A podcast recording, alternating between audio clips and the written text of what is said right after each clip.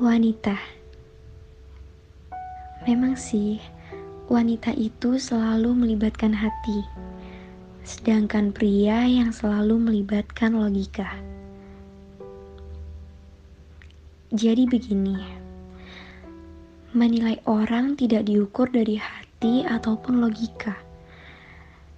Semua orang punya hati dan punya logika. Tapi mengapa pria yang selalu salah?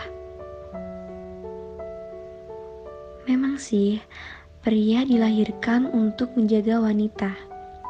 Menjaga, mencintai wanita selayaknya kepada seorang ibu. Menjaga wanita agar merasa aman, bukan menjaga selayaknya menjadi bodyguard yang selalu menuruti kemauan majikan. Raden Ajeng Kartini adalah pelopor emansipasi wanita wanita pertama yang memiliki derajat yang sama dengan pria. Tetapi beliau masih bisa menghargai pria sebagai pemimpin. Jadilah wanita yang bijak untuk mendapatkan pria yang bijak.